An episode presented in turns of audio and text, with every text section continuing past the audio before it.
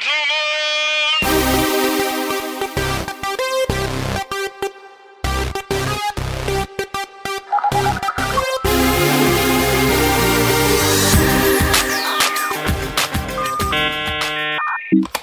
En welkom bij de Login Techcast, de podcast van Login Consultants. Dit is alweer de zevende extra aflevering waarin we het vandaag gaan hebben over alle coole dingen die aangekondigd zijn tijdens Microsoft Ignite. Mijn naam is Sander Noordijk en zoals altijd zit ik hier tegenover mijn vriend en co-host Erik van Klaveren. Erik, hoe is het met jou?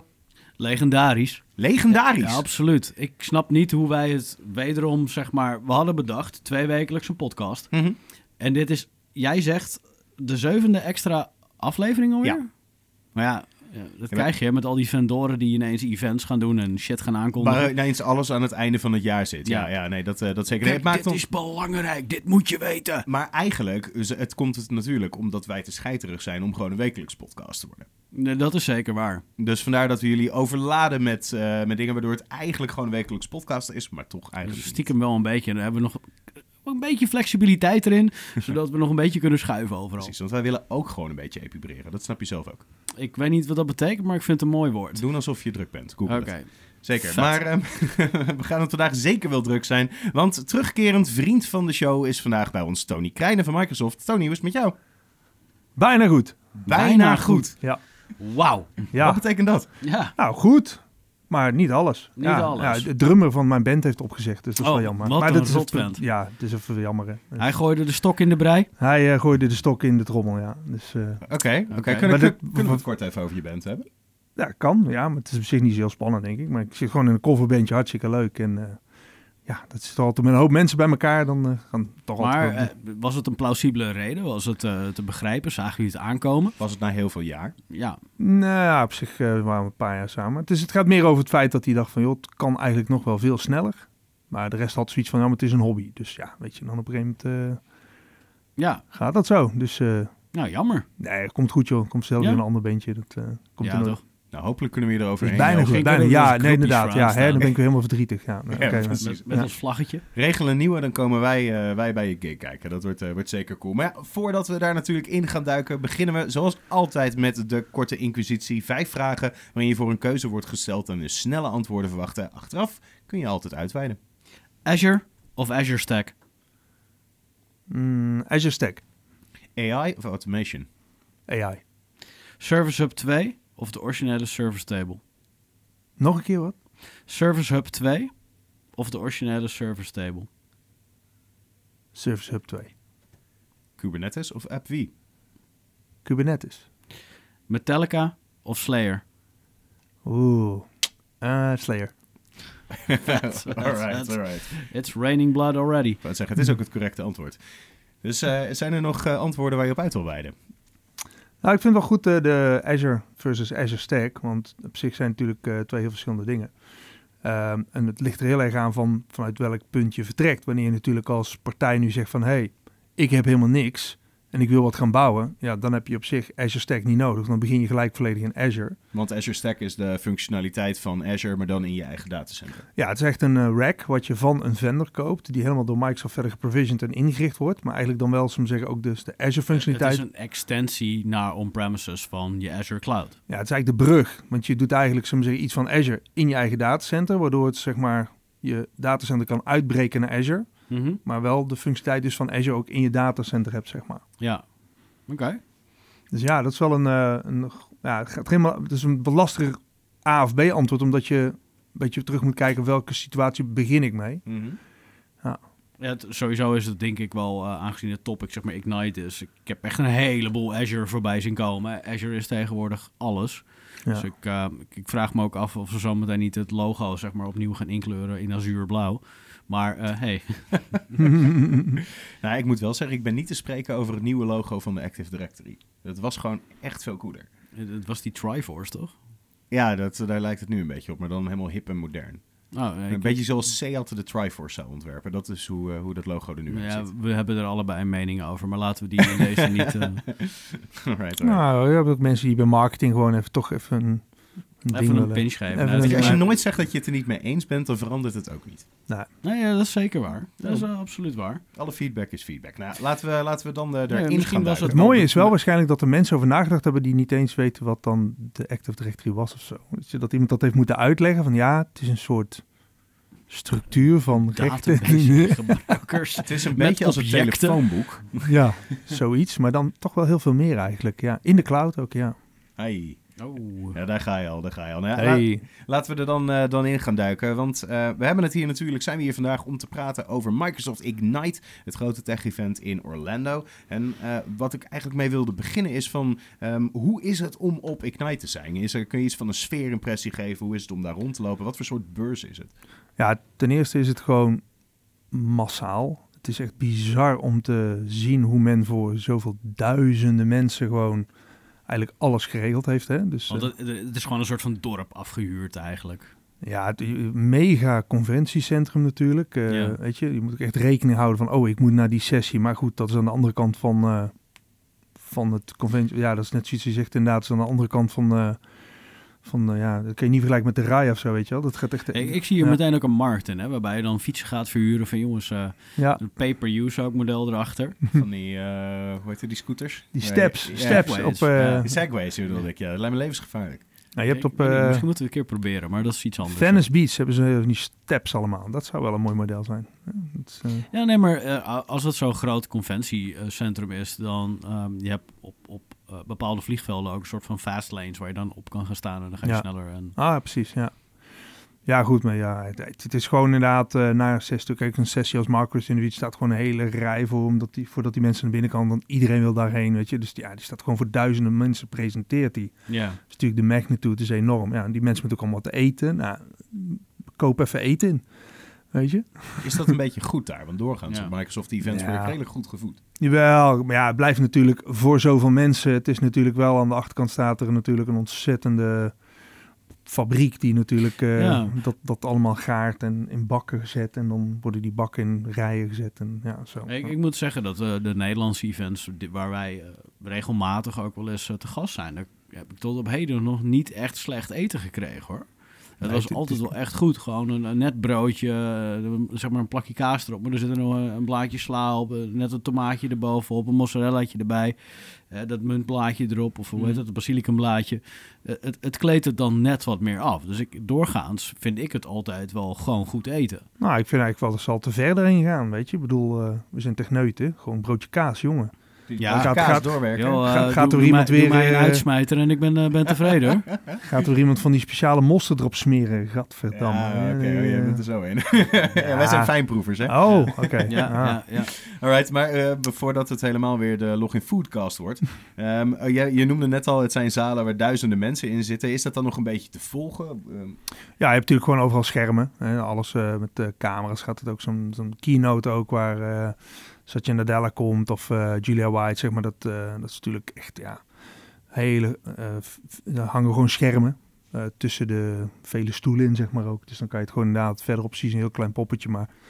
Groot op het scherm zie je inderdaad gewoon de... Is het niet hetzelfde als we hier toen ook op de Tech Summit? Dus dat ook halverwege de zaal hing Ja. een scherm boven. Zodat Ja. de mensen die wat meer naar achteren zaten het ook gewoon konden zien. Precies, alleen dan moet je dat gewoon nog keer vier of vijf precies, doen. dat is één de- grote ja. zaal natuurlijk. Ja, Ja, het is, dat is echt één grote zaal, ja.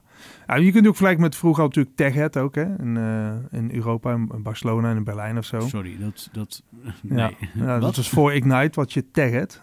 Oké. Eh, dus bijvoorbeeld in Berlijn hebben Daan en ik geopend Mhm. voor de main keynote. Dan sta je gewoon voor 7000 man. Dat is gewoon echt, ja, dat is gewoon zover als je kunt kijken. Dan kun je de laatste rij kun je niet zien. Daar kan Dat is echt geen heel tegenop, of wel? Dat is, eh, Nou, dat heb dichterbij, je ook niet nodig. Je Ja. staat zo ver van de dichtstbijzijnde mensen af. dat is dichterbij je voelen dan Slayer als, eh, als het anders zou kunnen. Ja, precies. Ja.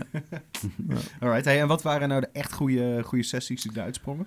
Ja, als je kijkt natuurlijk, eh, de keynotes zijn absoluut... alles staat tegenwoordig natuurlijk online. Hè. Het wordt ook gestreamd Ja. live eh, op Ja. het moment dat het evenement bezig is. Dus ik heb, eh, dat betreft ook, als je een eh, sessie eh, nog wil zien of zo, kan je die gewoon allemaal terugkijken. hè. Want je hebt natuurlijk zoveel keuze, maar je kan maar op één plaats tegelijk zijn. Dan is het natuurlijk heel fijn dat alles op demand eh, terug te kijken zeg maar. Maar zeker natuurlijk voor iedereen is aan te raden om gewoon de keynotes te kijken. Omdat daar echt... En dan maken ze ook gebruik van Microsoft Stream. eh, Zo heette dat toch? ja. Ja, oké. ja. Eh, wat ze gebruiken, ik weet niet wat ze daarvoor gebruiken voor die... eh, Nou ja, het- voor de streaming. Het was gewoon op Microsoft.com was het, eh, was het te volgen. Of er Ja, nee, maar het zou dan, ik bedoel, in principe is het eh, e- eat your own dog food. Dus dan Ja, ga je er ook vanuit Ja. dat Microsoft zijn eigen producten gebruikt Mhm. eh, om...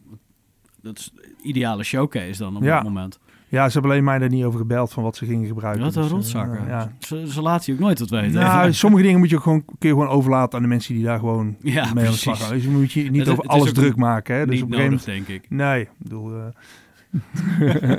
dus dat En maar ehm, wat, wat is zeg maar een beetje de overall boodschap die Microsoft eh, op Ignite naar buiten wilde, wil, wil, ja, wilde brengen? Nou, ik denk als je kijkt, dan is het gewoon echt wel waar allemaal naartoe gaat. is gewoon ja, cloud. En dan met bijzonder zie je natuurlijk heel veel eh aankondiging en innovatie rondom Azure. Ja, en dan de AI, dat, het, AI en ML, dat, dat viel mij enorm op. Dat Ja. daar een hoop eh, om te doen was. Ja. Neu- ja, AI, neuro- neurologische netwerken die er worden Ja. opgebouwd en dat soort dingen. Ehm, zien we daar ook al de toepassing bijvoorbeeld wat directer bij de gebruiker op terug? Ja, dat is heel goed dat je dat zegt inderdaad. Want eh, om mensen ook een beetje het idee te geven wat AI nu kan, zeg maar, hebben we ook een app voor iedereen. En dat is de Intelligent Kiosk. Die kan je gewoon uit, eh, voor op je Windows PC de Windows Store halen. Je moet wel even een Azure abonnement hebben, omdat je wat API keys erin zet. Maar je hebt ook voor de mobiel platform heb je er eentje gewoon als test. Dan kan je een foto van jezelf maken. En dan zegt die man, vrouw, leeftijd, vrolijk of niet. Weet je, dus daar gebruiken ze API's voor. Dus dat is gewoon dat Ja. de, de clouddienst beschrijft dan eigenlijk wat je ziet. In die intelligent kiosk kun je dat zeg maar zelfs met een webcam doen. Dan kun je het live doen. Dan kun je dus gewoon met je, hè, dan doen we een demo Die bijvoorbeeld. kiosk die, die stond op Ignite. Nee, dit is dus een app. Dus de, Ah, dus de intelligent kiosk is een app die allerlei AI technieken eigenlijk ontsluit. Dus die eh, kunnen we live nu kijken. Oh, wacht eens, een podcast. Maar dat zou je dus gewoon zelf kunnen Mhm. bekijken. Nee, maar het is een, een Maar ding... geeft mij live informatie eh, op basis van de beelden die hij ziet. Ja, ja Dus, nou, je eh, zit allerlei demo dingen. Waar we het gisteren over hadden, layer. Is, is dat het? Oh, sorry, ik zal misschien even maken. Intelligent Kiosk is gewoon een app die allerlei eh, AI-technologie die wij nu hebben Ja, ontsluit. die- hè? Dus, die- dus je kan je een, een set met foto's geven, dan beschrijft hij de foto's. Je kan een camera aanzetten en dan beschrijft hij wat hij ziet. Mhm. Hè? Dus als je die in de camera aanzet, dan zegt hij, oh, chair, person, weet je, bottle. Dat herkent hij gewoon in die feed van de Ja. video. En als je, Oh, het is meer als... Het is meer maar- zijn allerlei demo's, zijn allerlei Ja, demo's eigenlijk. Maar het idee Mhm. erachter is dat we zeggen van heel veel dingen voor artificial intelligence hoef je dus niet zelf helemaal te ontwikkelen of te bouwen. Dat zijn gewoon calls die je in ons systeem doet en je krijgt terug wat er dan beschreven of gezien wordt, zeg maar. En dat is dan ook een goede instap om als jij in de wereld van AI wil gaan duiken. Ja, het is in ieder geval het begin, omdat je dan even kunt begrijpen van wat, wat AI precies betekent. hè. Wat je al zelf zegt, van je wil uiteindelijk het menselijk vermogen om iets te herkennen. eh, wat is goed, wat is niet goed. eh, dat soort dingen wil je benaderen, zeg maar. En dat is natuurlijk heel lastig om dat te kunnen doen Ja, met ja een nee, computer. zeker. Ja, nee, dat- ik, eh, ik, ik, ik en eh, Sander laatst dat ook zien ook vaak de sessies die bij Nvidia daarover worden gegeven. Dat is natuurlijk zeg maar Mhm. parallel processing. En die zijn daar heel erg mee eh, ge- in en, en op gefocust. ja, En het is een compleet andere manier van benaderen dan dat ons menselijk brein doet. ja, En het heeft vooral de afgelopen jaren juist een sprong kunnen maken, omdat we de benadering van hoe we die slimheid wilden, wilden creëren, dat was de hele verkeerde kant op. Dat was Ja. de, de the other way around. Eh, ten opzichte van hoe wij een brede natie doen. Bijvoorbeeld met eh, autonomous driving, wat Ja. ook gewoon een AI is, die op dat moment voor je rijdt. ja, Jij stapt niet een auto in, eh, gaat daar zitten en bedenkt: Oh, zie ik een giraf? Nee, Ja. check. Hm. Zie ik een, een boom? Nee, check. Um, en dat was de manier voor 2012 hoe ze dat soort dingen benaderden. Ja. En dat hebben ze toen compleet omgegooid. En ehm, ja, je, je ziet daar gewoon in vogelvlucht. En ja, zie je daar gewoon een enorme. eh, ja, Nou, je ziet dat met name, denk ik, dat is echt iets waarvan je zegt van, daar, daar zie je zoveel mogelijkheden in, weet je, om, om ja, dingen te herkennen en, en ehm, proces te automatiseren. Weet je wel, je normaal, als je bijvoorbeeld kijkt eh, naar, door heel simpel, eh, wat wij aan het doen zijn bijvoorbeeld met artificial intelligence, is eh, in eh, Afrika bijvoorbeeld vanuit vangen we muggen allemaal. En die bloed, eh, An- bloed, ja, analyseren we van die muggen. En dan kijken we wat voor virussen we daar kunnen in herkennen. En of daar dus nieuwe virussen zitten, brengen we allemaal in kaart van hele gebieden. Weet je, zit- het is wel, sowieso is het wel heel grappig. Hè? Want ik denk dat heel veel mensen niet de associatie met Microsoft en AI eh, op, op dit vlak hebben. ja, En we zeiden het net al in de, in de voorbespreking heel even dat eh, ja, dus, eh, Microsoft verdiept zich in zoveel meer dan alleen maar eh, dat desktop-platform, het cloud-platform. Het, het is zoveel meer. En nu inmiddels doet het ook zijn uitingen in IoT en de AI waar je het net over had. En dus het ziekte herkennen in muggen in Afrika. ja, dus het gaat allemaal, het gaat inderdaad heel erg ver, weet je. Dus op een gegeven moment, ja, dat zijn allemaal projecten waar we mee bezig zijn. Wat echt heel erg gaaf is, is eh, bijvoorbeeld ook gewoon, ja, lees alle röntgenfoto's maar eens in. Weet je, en dan Ja, er zijn dagen dat ik dat passeer hoor. Ja, klopt. Maar als je dat door een computer laat doen en je geeft hem een nieuwe röntgenfoto, kan hij wel zeggen, het komt volledig overeen met deze set aan röntgenfoto's. En kijk eens, dat, die ze hebben allemaal die was de diagnose, diagnose was dit. Ja. Ja. dus er gaat, gaat een hele ja, sprong maken in, in, weet je, je gaat niemand natuurlijk eh, van, oh, nu, nu heb je een dokter of een, een of zo die zegt van, ah, ik denk dat het is. Dan kan hij nog met wat collega's overleggen. Misschien kan hij op een gegeven moment op forum zetten of hoe ze dat delen, zeg maar. Maar gewoon op een gegeven moment dat vergelijken met duizenden, miljoenen andere röntgenfoto's, dat is natuurlijk ja, ongekend. Ja. weet je, en er zijn dus heel veel toepassingen die je zo kunt, eh, kunt verzinnen, kunt maken. Er zijn een hele voorbeelden ook genoemd, een hele cases zijn er ook van, zeg maar. Maar net wat je zegt, het is iets waar je in eerste instantie niet bij denkt aan, aan misschien aan Microsoft. Hè? En hetzelfde geldt wat we aan doen zijn met open source, Internet of Things en hè, waar we straks ook even hadden, de, de dingen met containers en Kubernetes en hoe dat allemaal nu omarmd is door Microsoft en allemaal draait op dat Azure-platform. Ja. Nou, dat is allemaal, allemaal ja, niet, Ja, niet heel bekend eh, als je inderdaad in die wereld zit. Misschien wat dichter bij de mens dan is eh, het, het voorbeeld, tenminste dat werd aangehaald op de Tech Summit, met eh, een PowerPoint-presentatie. Daar gooi je wat foto's in en dan komt hij met ID's.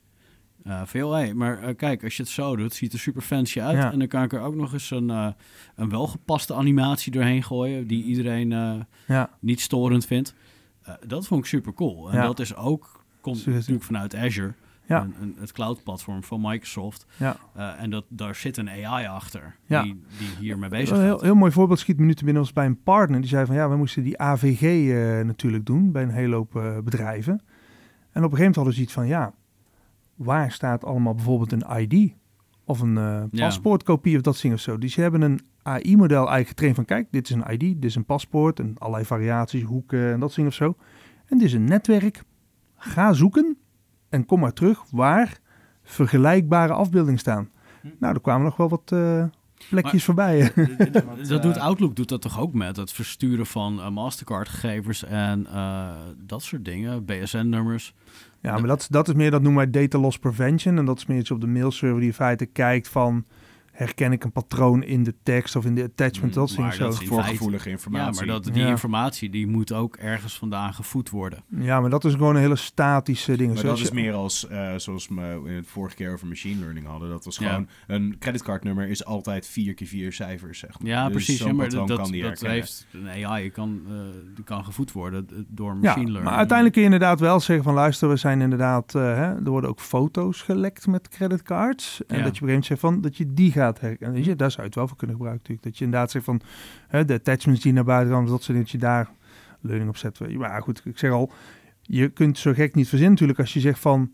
wanneer een systeem iets zou kunnen herkennen of kunnen beschrijven... wat voor, wat voor ding kan je eraan hangen? Hè? Dus Mhm. ik, ja, ik bedoel... eh, mogelijkheden zijn onbeperkt erin, denk ik. Dus gave sessies. En ik, ik raad ook iedereen aan als je daar wat meer van wil weten. Gewoon kijk eens naar zo'n intelligent kiosk app. eh installeer die eens en speel er eens eventjes kan mee. iedereen gewoon downloaden en, Ja. eh, en mee prutsen. En wat ik al zeg, je moet even een Azure subscription eh, aanmaken. Maar dan kan je gewoon zo'n trial aanmaken. Dan heb je wat API keys. Dan kun je vanuit de app gewoon toevoegen. Mhm. En dan werkt face recognition, werkt de fotomap kun je hem geven, gaat hij dat beschrijven. Weet je, allerlei demo's die gelijk dan werken waar je mee aan de slag kunt. Dat is wel heel grappig hoor, dus ik kan het hier wel aanraden. Ja, ik hoorde ook mooie dingen over eh, de sessie van Marco Sinovic. Ja, Marco Sinovic gaf een eh, aantal sessies, maar een van de sessies die zeker heel erg eh, de moeite waard is om ook even terug te kijken, is eigenlijk van hoe de evolutie gaat van de Microsoft Azure data centers. Hè. We hebben natuurlijk eh, eh, in zoveel regio's nu datacenters en hoe die allemaal eh, eigenlijk gebouwd worden. Die hadden nog wel eens een hitteprobleem. Ja, ja, goed. Er zijn natuurlijk. eh, je ziet dat eigenlijk eh, vanaf de eerste datacenters. Want Mark zat in een interview op te vertellen. Ja, toen hij begon met Azure waren er vijf datacenters. Weet je, en nu zit je ruim over de 50, 60 van de verschillende datacenters, verschillende regio's. En ook die hele evoluties gedaan van hoe ze die dingen bouwen. Uh, wat ze ook vertelden daar is bijvoorbeeld dat ze alle configuratie van alle routers, de hele infrastructuur eigenlijk hebben ze als een soort virtuele clone draaien op Azure. Dus dat is een soort uh, digital twin. Dus dan kunnen ze ook dus zeggen... Daar is mijn ISA-server weer heen gegaan. Ja, precies. Nee, maar goed, als je dus updates doet op een, een netwerkinfrastructuur... of je zegt van, hé, hey, er komt een datacenter bij, routering daarvan... dan wil je natuurlijk voorkomen dat er in een zwart gat gaat. Ja. In plaats van dat ze routeringen aanpassen en dan constateren dat dat gebeurt... doen ze dat op die digital twin. Weet je, en dan kijken ze dus van, oké, werkt alles nog? Kun je allerlei scripts, allerlei dingen op loslaten... zonder dat er daadwerkelijk in productie iets gebeurt. Dus Weet je, dus dat soort ideeën daar. Het gewoon een testomgeving voor al je infrastructuur. Ja, je kan inderdaad ook gewoon zeggen van, hé, hey, oké, als we dit dus dit aanpassen of dat aanpassen, routeringen en natuurlijk ontzettend complex. Kan je natuurlijk niet meer even een Excel-sheetje bevatten wat daar uh, nee, op die global scale draait natuurlijk. Ik, ik ken genoeg mensen die zeggen dat Excel er ook niet voor bedoeld is, maar een ander ja, verhaal. Maar, ja. um, maar goed, het ging heel erg over dus de, de ontwikkeling van die data, maar ook met name dan ook de, de machines die ze daarin hebben staan. De fysieke machines uh, beschreef je dan ook. De echte servers waar Azure op draait. Ja, een aantal, VM aantal, op draait. Ja, een aantal van die servers worden ook dus uh, specifiek, zijn ook specifiek ontwikkeld, zeg maar. Hè? Dus je hebt bijvoorbeeld nu specifieke fysieke machines waar veel GPU in zit, en dat je ook die NVIDIA mogelijkheden ja, de, de N-workloads. De Ik zag ook dat de H-workloads zijn, uh, high-performance ja. workloads zijn aangekondigd. Klopt. En je hebt natuurlijk uh, de, de G-machines waar op een gegeven moment de zwaarste uh, machines die we hadden. Dat stond voor Godzilla. Uh, dat mochten, mochten we alleen niet gebruiken. Dat, uh, dat is uiteindelijk te veel copyright op om zo'n Godzilla... Dat is dan maar gewoon G en dan weten we. De G-serie, maar dan noem je het wel dat het Godzilla is. Ja, ja, precies, ja. Maar uiteindelijk, we zijn natuurlijk nu bezig met SAP ook om dat op Azure te laten draaien. Dat zit natuurlijk ontzettende grote database achter en zo. En die weet natuurlijk in memory. Dus het is op een gegeven moment de beast machine uh, gemaakt, zeg maar. Er zit dan uh, 6 terabyte intern geheugen in. Wacht, wacht, wacht. De machine heet The Beast? Ja, zo heet de fysieke apparatus waar dan uiteindelijk een, een SAP-omgeving uh, op draait, zeg maar. Ik okay. zie hier nog wel wat, wat foutjes in je, je programmeerwerk zitten als je zoveel geheugen weet op te snoepen. ja, nou, ik weet niet, misschien... ja, weet je, het is zo allesomvattend. Het is heel belangrijk dat ja. al, die da al dat geheugen ingenomen wordt. Nou, dat SAP HANA draait volledig in memory. Dus best wel een gaaf concept wat ze daar natuurlijk neerzetten. Dus, ja, het, zal, het zal rete snel zijn, dat geloof ik direct. Ja. ja. vooral als je natuurlijk kijkt naar natuurlijk, uh, hè, dat Intel 3D X-Point, uh, dat nieuwe geheugen, wat zowel als RAM als SSD te gebruiken, zeg maar. Dus we hebben op een gegeven moment was dat toch voor sommige SAP-klanten nog net niet genoeg. Hm. Dus die liepen daar zelfs nog uit. Hè. Dus toen hebben we zelfs gezegd van nou dan maken we een nieuwe machine, dat is de Beast V2 geworden. Ja, er werden, werden, Mark noemde ook van, we hebben een andere naam gekeken, Son of a Beach, uh, Beast, Beast, maar dat, wat, uh, ja, zie je, dat, dat soort voor versprekingen, ja. ja. Dus het werd Beast, Beast, Beast V2 werd dat, dus uh, ja. Oké, okay, en wat doet de Beast V2? Beast V2 heeft met name 11,5 terabyte intern geheugen, dus... en dat kan SAP allemaal opsnoepen? Ja, waarschijnlijk, ja, tuurlijk. Ik bedoel, ja. Als je een grote wow. database hebt, ja. ja. En die, die, die, dat kost vast ook wel wat om dat neer te zetten. Ja hoor, dat, uh, dat wij, wij, wij, is mijn trial subscription. Wij zijn heel enthousiast over als je dat inderdaad uh, zoveel mogelijk deployt. Ja, ja, dus, uh, ja die, die snappen. Wij raden iedereen aan ja, om daar gewoon even te testen. Ja. Al, al doe je maar een uur. uurtje gewoon, weet je, het is prima. Ja, ja. En we hebben natuurlijk nu heel veel over Azure gehad. Ja. Um, het virtualisatieplatform Hyper-V. Uh, zijn daar ook ontwikkelingen aangekondigd? Ja, dus wat je zag is met name dat er ook gewoon uh, server 2019 uh, general availability is ja, die is vandaag, oktober, toch? 18 ja, oktober? Ja, het zal binnenkort te downloaden zijn inderdaad. Dus, ik zag vandaag een berichtje op Twitter voorbij komen. En we ja. zitten vandaag op 3 oktober. 3 oktober. Uh, van datum van opname dat, uh, dat die uh, GA was. Dus. Oké, okay, ja, dus, dus die is ook te downloaden. En met name wat je daarin ziet gebeuren, is dat ook echt gewoon alles gewoon daar hybride gaat. Dus inderdaad zoveel mogelijk mogelijkheden om uit te breken naar Azure, het samen te voegen met Azure, uh, combineren. Hoe, hoe met, moet je dat zien dan? Uh, je moet het zo zien dat op het moment dat je kijkt naar uh, bijvoorbeeld de beheer, hè, dus uiteindelijk van in, als je in je netwerk een aantal services hebt draaien, maar je wil extra resources nog hebben of zo, die heb je niet, dan kun je dat dus in Azure zetten. En dat gaat uiteindelijk zover dat je bijvoorbeeld kunt zeggen, uh, je files archiven. Dus dan krijg je... Ja, daar ging het stukje ja, ook over. Ja. Dat backup en files archiving al, zeg maar, gesynct werden naar Azure. Ja, Ja, uiteindelijk krijg je dus gewoon Azure wordt je cold storage. Dus de, de oude data die nagenoeg niet ben- benaderd wordt of weinig gebruikt wordt, die ga je naar Azure toe zetten. En dat is iets waar we natuurlijk jaren, eh, jaren terug al mee bezig waren met eh, dingen als, hoe heet dat ook weer, van eh, de, de Simplicity en dergelijke. Die, die- Simplicity is... Nee, nee. Nee. bedoelt Store, KPN Store Simple is het woord dat ik zoek. Ja. Store Simple. Dat was een, een, een storage bak die aansluit naar Azure. Dus je actieve data die staat daar op SSD-schijven Ja. en de rest eh, schuift die door naar, eh, naar de cloud. Maar nu Ja. kan ik dat dus direct vanuit mijn Windows Server. Ja, dus daar zie je steeds meer mogelijkheden voor komen. En hetzelfde bijvoorbeeld voor SQL Server heeft dat ook, hè? Stretch database. Dus kun je op een gegeven moment ook zeggen, lokaal staat een SQL Server. In Azure heb ik een stretch database en dan mijn oudere sales data zet ik daar gewoon neer. Die archive je Ja, daar. precies. En dan je laatste twee jaar die je veel gebruikt, die hou je dus lokaal. zeg maar. Dus weet je, dus inderdaad... Je, Dat, je had in, in 2008, ik weet niet meer welk R2 geloof ik, had je op een gegeven moment ook, dan kon je aangeven, joh, dit file system valt in tier 1 en dat is snelle Ja. storage en dit Mhm. is eh, tier 2, dat is iets, Ja. iets langzamer en tier 3, ja, dat is gewoon archiving.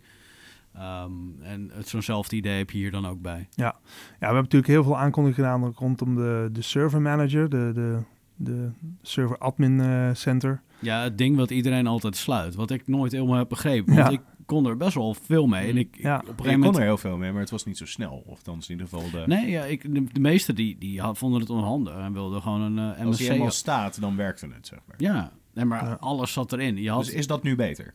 Nou, het is zelfs een, eh, eigenlijk eh, kun je hem gewoon als standalone product nu ook installeren en dus ook eh, veel meer beheer in doen. Dus je wil connectie maken naar Azure, voeg je gewoon een Azure Virtual Network Card toe. Wil je dan je backup regelen, één klik in de Windows Admin Center. Eh, ook je servers on-prem en in Azure beheren, Windows Admin Center. Dus eigenlijk zie je dat het gewoon een soort centrale plek komt waar, al, ja, waar alles samenkomt. En ook dan als je, oh, we willen disaster recovery, wel maar zo makkelijk mogelijk maken. Weet je. Dus dat Cool. is wel, eh, ja, een mooie ontwikkeling inderdaad daar ook in, eh, zeg maar. Ja. Ja, eh, verder wat, eh, wat echt eh, gave sessies waren ook veel rondom Internet of Things natuurlijk.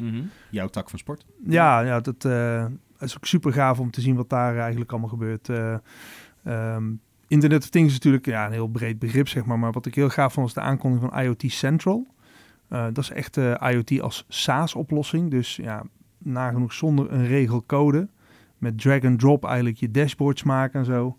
Eh, dat kan je in IoT Central doen. Dus het is... eh, Het klinkt mij een beetje als eh, Octoblue, het pakket wat Citrix ooit had gekocht. Daar had je ook gewoon drag and drop en daar kon je ook voor alles mee. Ze ja, hebben het uiteindelijk laten varen en hebben volgens mij gewoon eh, intelligentie eruit ontrokken Oh ja. voor andere dingen. ja. Daar had jij wat met je deurbel mee gedaan, toch? Ja, ja, ja, inderdaad. Citrix op je deurbel, hè? Ja. Nou ja, de Octoblue. eh, Zendbel. Ja. Ja, nee. Wat me trouwens wel opvalt, eh, ook dit jaar. eh, ik weet dat vorig jaar werd er nog vooral heel veel, eh en het jaar daarvoor heel veel geroepen over. joh, dat is allemaal spielerij, dat, dat gaat Enterprise nooit echt Ja. bereiken. Daar gaan we niets mee doen. Ja, Waarvan ik toen al de toepassing van zag. En nu zie je dat eh, ook grote organisaties, want we zagen dat gisteren, eh, waren wij aanwezig op de Citrix Solution Day. mhm. Daar werden ook verschillende dingen eh, aangekondigd op IoT en wat je ermee zou kunnen. Ja. Je ziet Microsoft, die beweegt er ook naartoe. En we weten, hebben het ook in een VMware keynote, hebben we het ook voorbij zien komen. Dus we steeds meer ook naar die IoT-kant aan Ja. het bewegen zijn.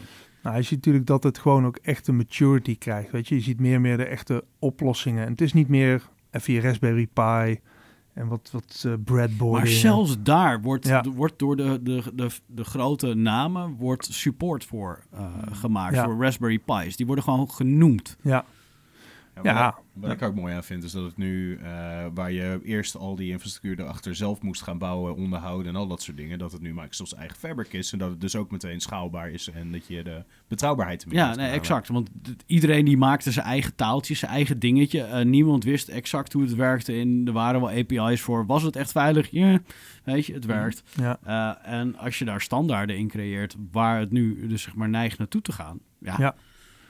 Ja, kijk, aan het moment dat je kijkt naar bijvoorbeeld beveiliging, eh, natuurlijk Azure Sphere, kunnen we daar even stilstaan. Hè? Dat- Dus een echte chip waar dat ook helemaal in die heb je ook meegenomen, toch? Ja, ik heb hem bij me. Dus eh, jullie hebben hem al in je handen Voor de, gehad nu. voor de kijkers thuis, hij is hier echt. Hij is Ja. hier echt. Het is ter grootte ongeveer van een Lucifer doosje. Misschien net ietsje groter, denk ik. Sander is hem nu aan het uitpakken. Hij betast het. Ik Ja. betast het zeg wat je eh, voelt, Sander. Vertel mij. Ik voel een circuitboard met heel veel pins erop. Heel veel pins. Ik kan je iets vertellen Ja, over die sfeer. zelf beter even uitleggen. Wa- Waarvoor is dit beter als een Arduino-bordje?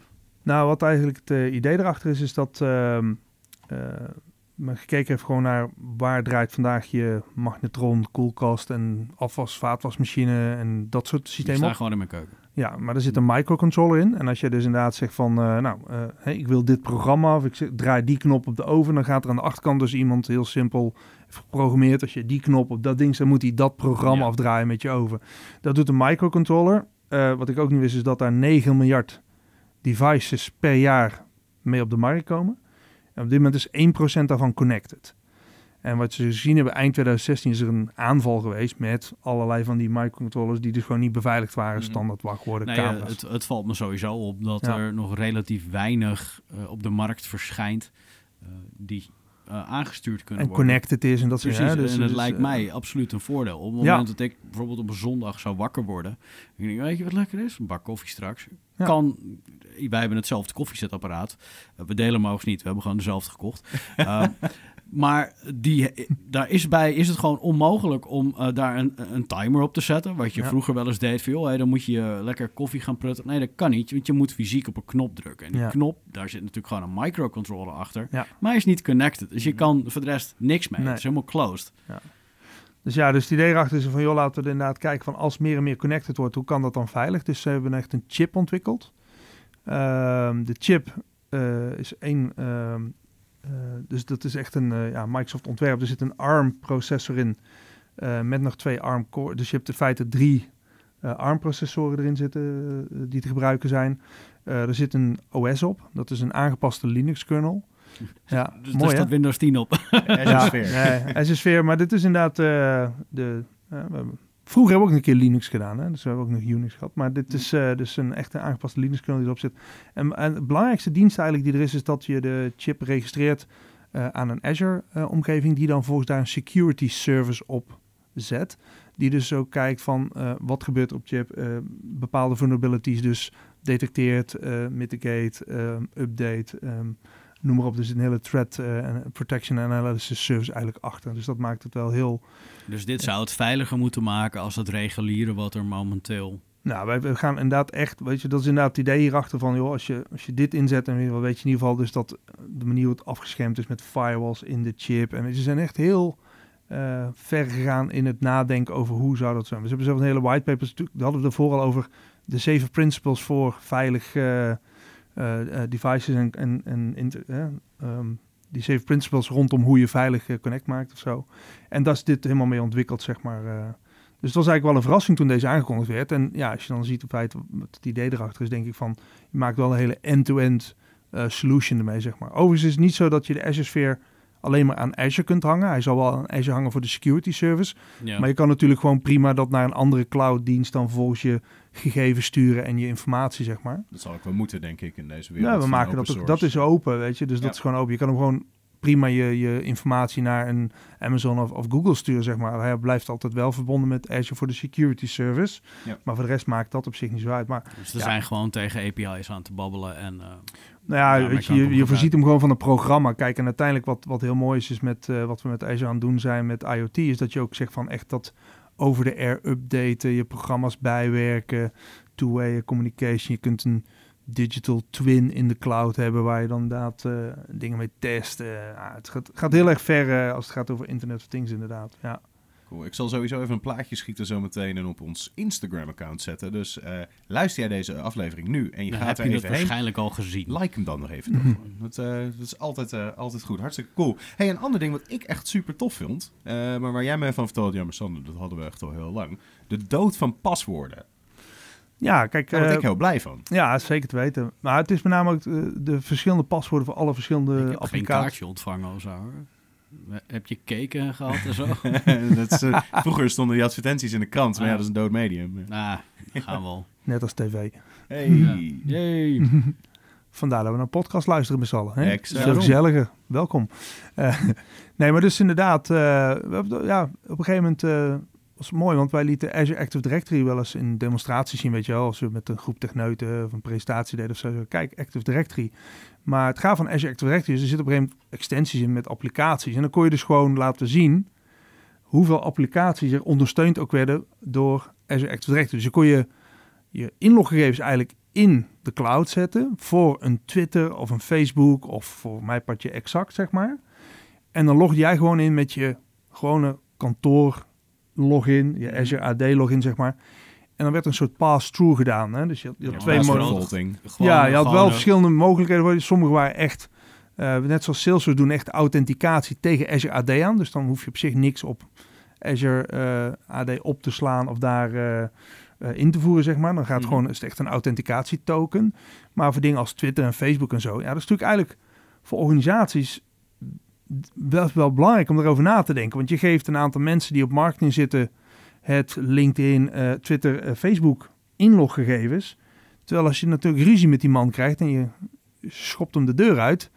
Ja, eh, hij verandert de wachtwoorden. Hoe krijg je dat terug? Wat post hij nog in de tussentijd? Dat zijn... Zo hebben wij ooit iets gehad waar echt een ghost post eh, op ons eh, Techcast-account kwam. Ja. Waar wij heel erg tevreden over waren. Dat was maar- overigens een hele positieve post. Ja. Dus we weten nog steeds nu... wie Ja, maar tot de dag van vandaag hebben we niet kunnen herleiden wie dat ding heeft Oh. geplaatst. Ik was echt vergeten dat dat gebeurde Ja, inderdaad. ik- daar moest ik direct aan denken toen hij Het is niet een van die zeven audiotechniekers die jullie Ja, hadden. dat, dat zou best kunnen. We, we hebben er diverse gehad natuurlijk. Wij verslijten ze bij het leven, ja.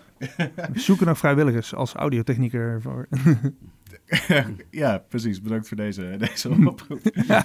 maar, maar het voorbeeld wat je nu noemt, was dat nou juist niet wat dat paswoordvaulting moest eh, voorkomen? Dat je eh, juist die personen niet het wachtwoord gaf. En Klopt. zodra je ze uit dienst haalt, eh, sluit je die, ontzeg je die toegang. Dus krijgen ze niet meer die, die Maar vaulting was een Microsoft product. Het was een techniek die daarin zat. En dan, dat is wat je net omschreef. Dus je Ja, vulde- ja, maar dat snap ik. vulde Ik, heb er nog nooit van gehoord. Dus ik weet wat een paswoord vault is. Maar Nee, niet een vault als in een, klu- ja, een kluis, maar het doorsturen. Alsof je over een slootje als een keychain. Ja. Dus ja, jij klikt op het Facebook-accountje, of op het Facebook-icoontje en hij logt in Ja, ja, met de, de, met de, de single sign-on Ja. Dat, ja, nee, ik ken Nee, het vanuit andere principes. Maar Mm. ik, ik dacht password vaulting was een Ja, Microsoft maar het is dus geen single sign-on vanuit je Azure Active Directory account. Het is daadwerkelijk, er wordt daadwerkelijk ingelogd met erik.facebook.com en jouw Ja, nee, gegevens. die snap maar ik, ik hoef niet jouw gegevens te weten. die, die snap ik helemaal. Je had eh, vanuit de Access Suite ooit van Citrix, dat is echt al een hele tijd geleden, Mm. had je ook een eh password eh, manager XP of eh, whatever, die eh, password XP. Ik weet niet hoe dat ding meer heette. En dan moest je ook de velden selecteren waar dan ehm, gebruiksnaam en wachtwoorden moesten komen. Echt Mm. super complex. Eh, en Ja, dat is dit niet. dat, Nee. dat, maar dat, inmiddels is dat allemaal, heeft, heeft doorontwikkeling gemaakt. Ja. Ik heb het nu echt over 12 tot Ah, ja. 15 jaar geleden. Ja. En ehm, een fantastisch product. En het idee erachter vond ik ook echt fantastisch. Maar je, je logde daarbij dus gewoon één keer in. Dus één keer deed ik mijn AD-credentials. En eh, het kon best zijn dat een applicatie daarachter zijn eigen credential-omgeving eh, of database erop naast hield. Ja. Die dus niet AD georiënteerd was. En Ja, daarvoor ja, was deze precies. tool. Ja, dat is inderdaad. Dus dat zie je hier ook. En het mooie is van dat je uiteindelijk gewoon die applicaties kunt toewijzen. Kun je op een gegeven moment ook in je Office, als je naar je Office-omgeving gaat, dan kun je die applicatie ook zien. Hè? Mhm. Dus ook inderdaad gewoon die, eh, die gegevens daar, eh, die, die applicatie daar zien om gewoon op die manier in te loggen, zeg maar. En wat ze natuurlijk nu hebben aangekondigd is dat je dat hele inloggen met je eh, Azure AD, dat je dat nu ook gewoon kunt met de Authenticator app en met een code, weet je, veel gemakkelijker maken. Dat gewoon met je fingerprint op je telefoon, boom. Ja, zit dat, je dat erin. vind ik sowieso Ja. al echt een hele gaaf feature. Ik weet Ja. niet of jij die al eens hebt gezien, is dat... eh we hebben allebei een Android-telefoon, jij volgens mij ook. Ehm, is dat eh, met de Google eh, services die je hebt, Mhm. is dat die een, eh, je probeert in te loggen nu in je, je Gmail. Ehm, en als je dus die secondary authentication aan hebt staan, dan komt hij met een pop-up op je telefoon. Van, joh, klopt dit? Dit is zeg maar de machine, dit zijn de gegevens, dit is het IP, ja of nee? En dat is het. Dus niks, geen, geen, geen nummertjes meer intypen, dat. Mhm. Klaar, bam. En je bent erin. Ik vind het super gaaf. Ja. Ja, precies. En dit biedt je dan een, eh, een, een code die je ziet op het scherm. En die code zie je ook op de telefoon. En dan moet je daar de juiste uitkiezen uit een rijtje, toch? Dus dat je op die manier nog wel een controle in hebt dat je daadwerkelijk het apparaat hebt en eh, het scherm zet. Dat je op die plek bent om in te loggen. Dus niet dat je in het buitenland bijvoorbeeld, eh, dat een, iemand in het buitenland probeert om jouw account te benaderen. En jij op je telefoon ziet, eh, weet je zeker dat je erin logt? Oh ja, prima, ik druk het wel gewoon door. Je moet echt daadwerkelijk eh, overeenkomen met wat je ziet en wat je Ah. invoert. Precies. En op die manier hoef je dus geen, eh, hoeven we geen passwords meer over het netwerk te versturen die weer gesnift kunnen worden. Ik vond het cool. Ja, ik, ik, ik eh, word hier enthousiast van. We zitten bijna trouwens op tijd. Oh, Of we zitten al ver over tijd. Maar Right. over de Net tijd heen dat we normaal opnemen. Maar ja, Super ik denk gezellig dat we- altijd Ja, ook, hè? ja, ik toch? denk dat we hier ook nog wel uren kunnen blijven zetten over Ja. wat er allemaal is aangekondigd, wat er aan zit te komen, welke super toffe dingen we hebben gemist, waar we niet hebben bij kunnen zijn. Ehm, dus ja, we moeten toch een wrap-up doen. Dus heb je nog iets dat gemeld moet worden? Eh, Iets van final thoughts? Ja, wat op zich wel heel gaaf was, eh, in ieder geval eh, bij Ignite, is dat men op een gegeven moment daar zoveel aankondigingen dingen doen, dat ze eh, bij het nieuws.microsoft.com zelfs een boek of nieuws hebben uitgegeven met alles wat aangekondigd is. En op die was er ook best op tijd al ja, bij. Ja, zeg meteen maar, want, die ehm, keynote, ja. Ja, Nee, dus zeker. Dus dat kan ik zeker, als je zegt van god, wat werd er nou aangekondigd, wat zijn er meer details en zo, dan is de Book of News voor Ignite een hele goede.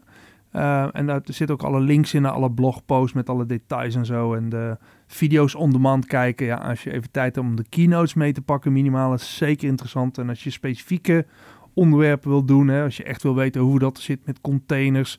Eh, wat ik niet wist is dat wij dus degene die containers heeft, eh, Kubernetes heeft ontwikkeld bij Google, Mhm. nu bij ons werkt. Die heeft ook een sessie gegeven. oké. Mr. Burns. Mr. Burns. Dus, eh, die- Burns. Ja, zo heet hij. Ja, ja, ik vond het inderdaad van een schijntje. ik maar, kijk eh, nog wel eens de Simpsons. Ja, ja. Nou, maar die is inderdaad... eh, dus dat is een sessie aan te raden. Dus, Dat is een ja. sessie aan te raden. Nou, hartstikke cool. Dan was dit de Login Techcast voor deze week. Wil jij op de hoogte blijven? Volg dan Login Techcast op Twitter, Instagram en YouTube. Maar natuurlijk kun je ook voor vragen, eh, traditionele vragen, terecht via eh techcast.loginconsultants.nl. En tegenwoordig hebben we ook een Slack waar je op mee kan praten of eh, suggesties kan geven. En dat is logintechcast.slack.com. En verder kun je mij natuurlijk vinden op LinkedIn, Twitter, Instagram en eigenlijk alle dingen onder Sander Noordijk. En heb ik daarentegen ook nog een Tumblr pagina aangemaakt waar je al mijn gepubliceerde werk kan vinden. Dus zoek mij onder Sander Noordijk. En Erik, Eh, mijn eigen naam, Erik van Klaver. Maar misschien is het wel leuk om ook te melden dat dat boek waar Tony het over heeft, de Book of News, eh, te vinden onder, eh, is onder ak.ms slash ignite-ambition 2018. supergoed. En Tony, waar kunnen mensen meer te weten komen over jou? Ja, Tony Krij eh, ehm, op LinkedIn. Eh, Tony Krij op LinkedIn inderdaad is het makkelijkste, denk ik. Ik heb ook Twitter, ik heb ook Facebook. Ik moet zeggen ik daar niet heel actief meer op ben of zo. Dat op zich het, eh, LinkedIn het eh, platform is waar je heel veel nieuws en dingen voorbij ziet komen, zeg maar. Dus je kunt me op allerlei manieren benaderen. Maar LinkedIn is denk ik de makkelijkste. Super. En afsluitend is de Login Techcast natuurlijk twee wekelijks te beluisteren via iTunes, Soundcloud en alle andere bekende podcast services van de wereld. Dus abonneer en deel de show vooral. Dat helpt ons natuurlijk enorm. Hetzelfde als dat je een commentaar of een rating zou achterlaten. En dan bedank ik mijn co-host, onze gast en natuurlijk jou als luisteraar. En dan horen we je volgende week alweer terug, waarin we het nog een keer gaan hebben over iets wat op Ignite aangekondigd werd. Ciao.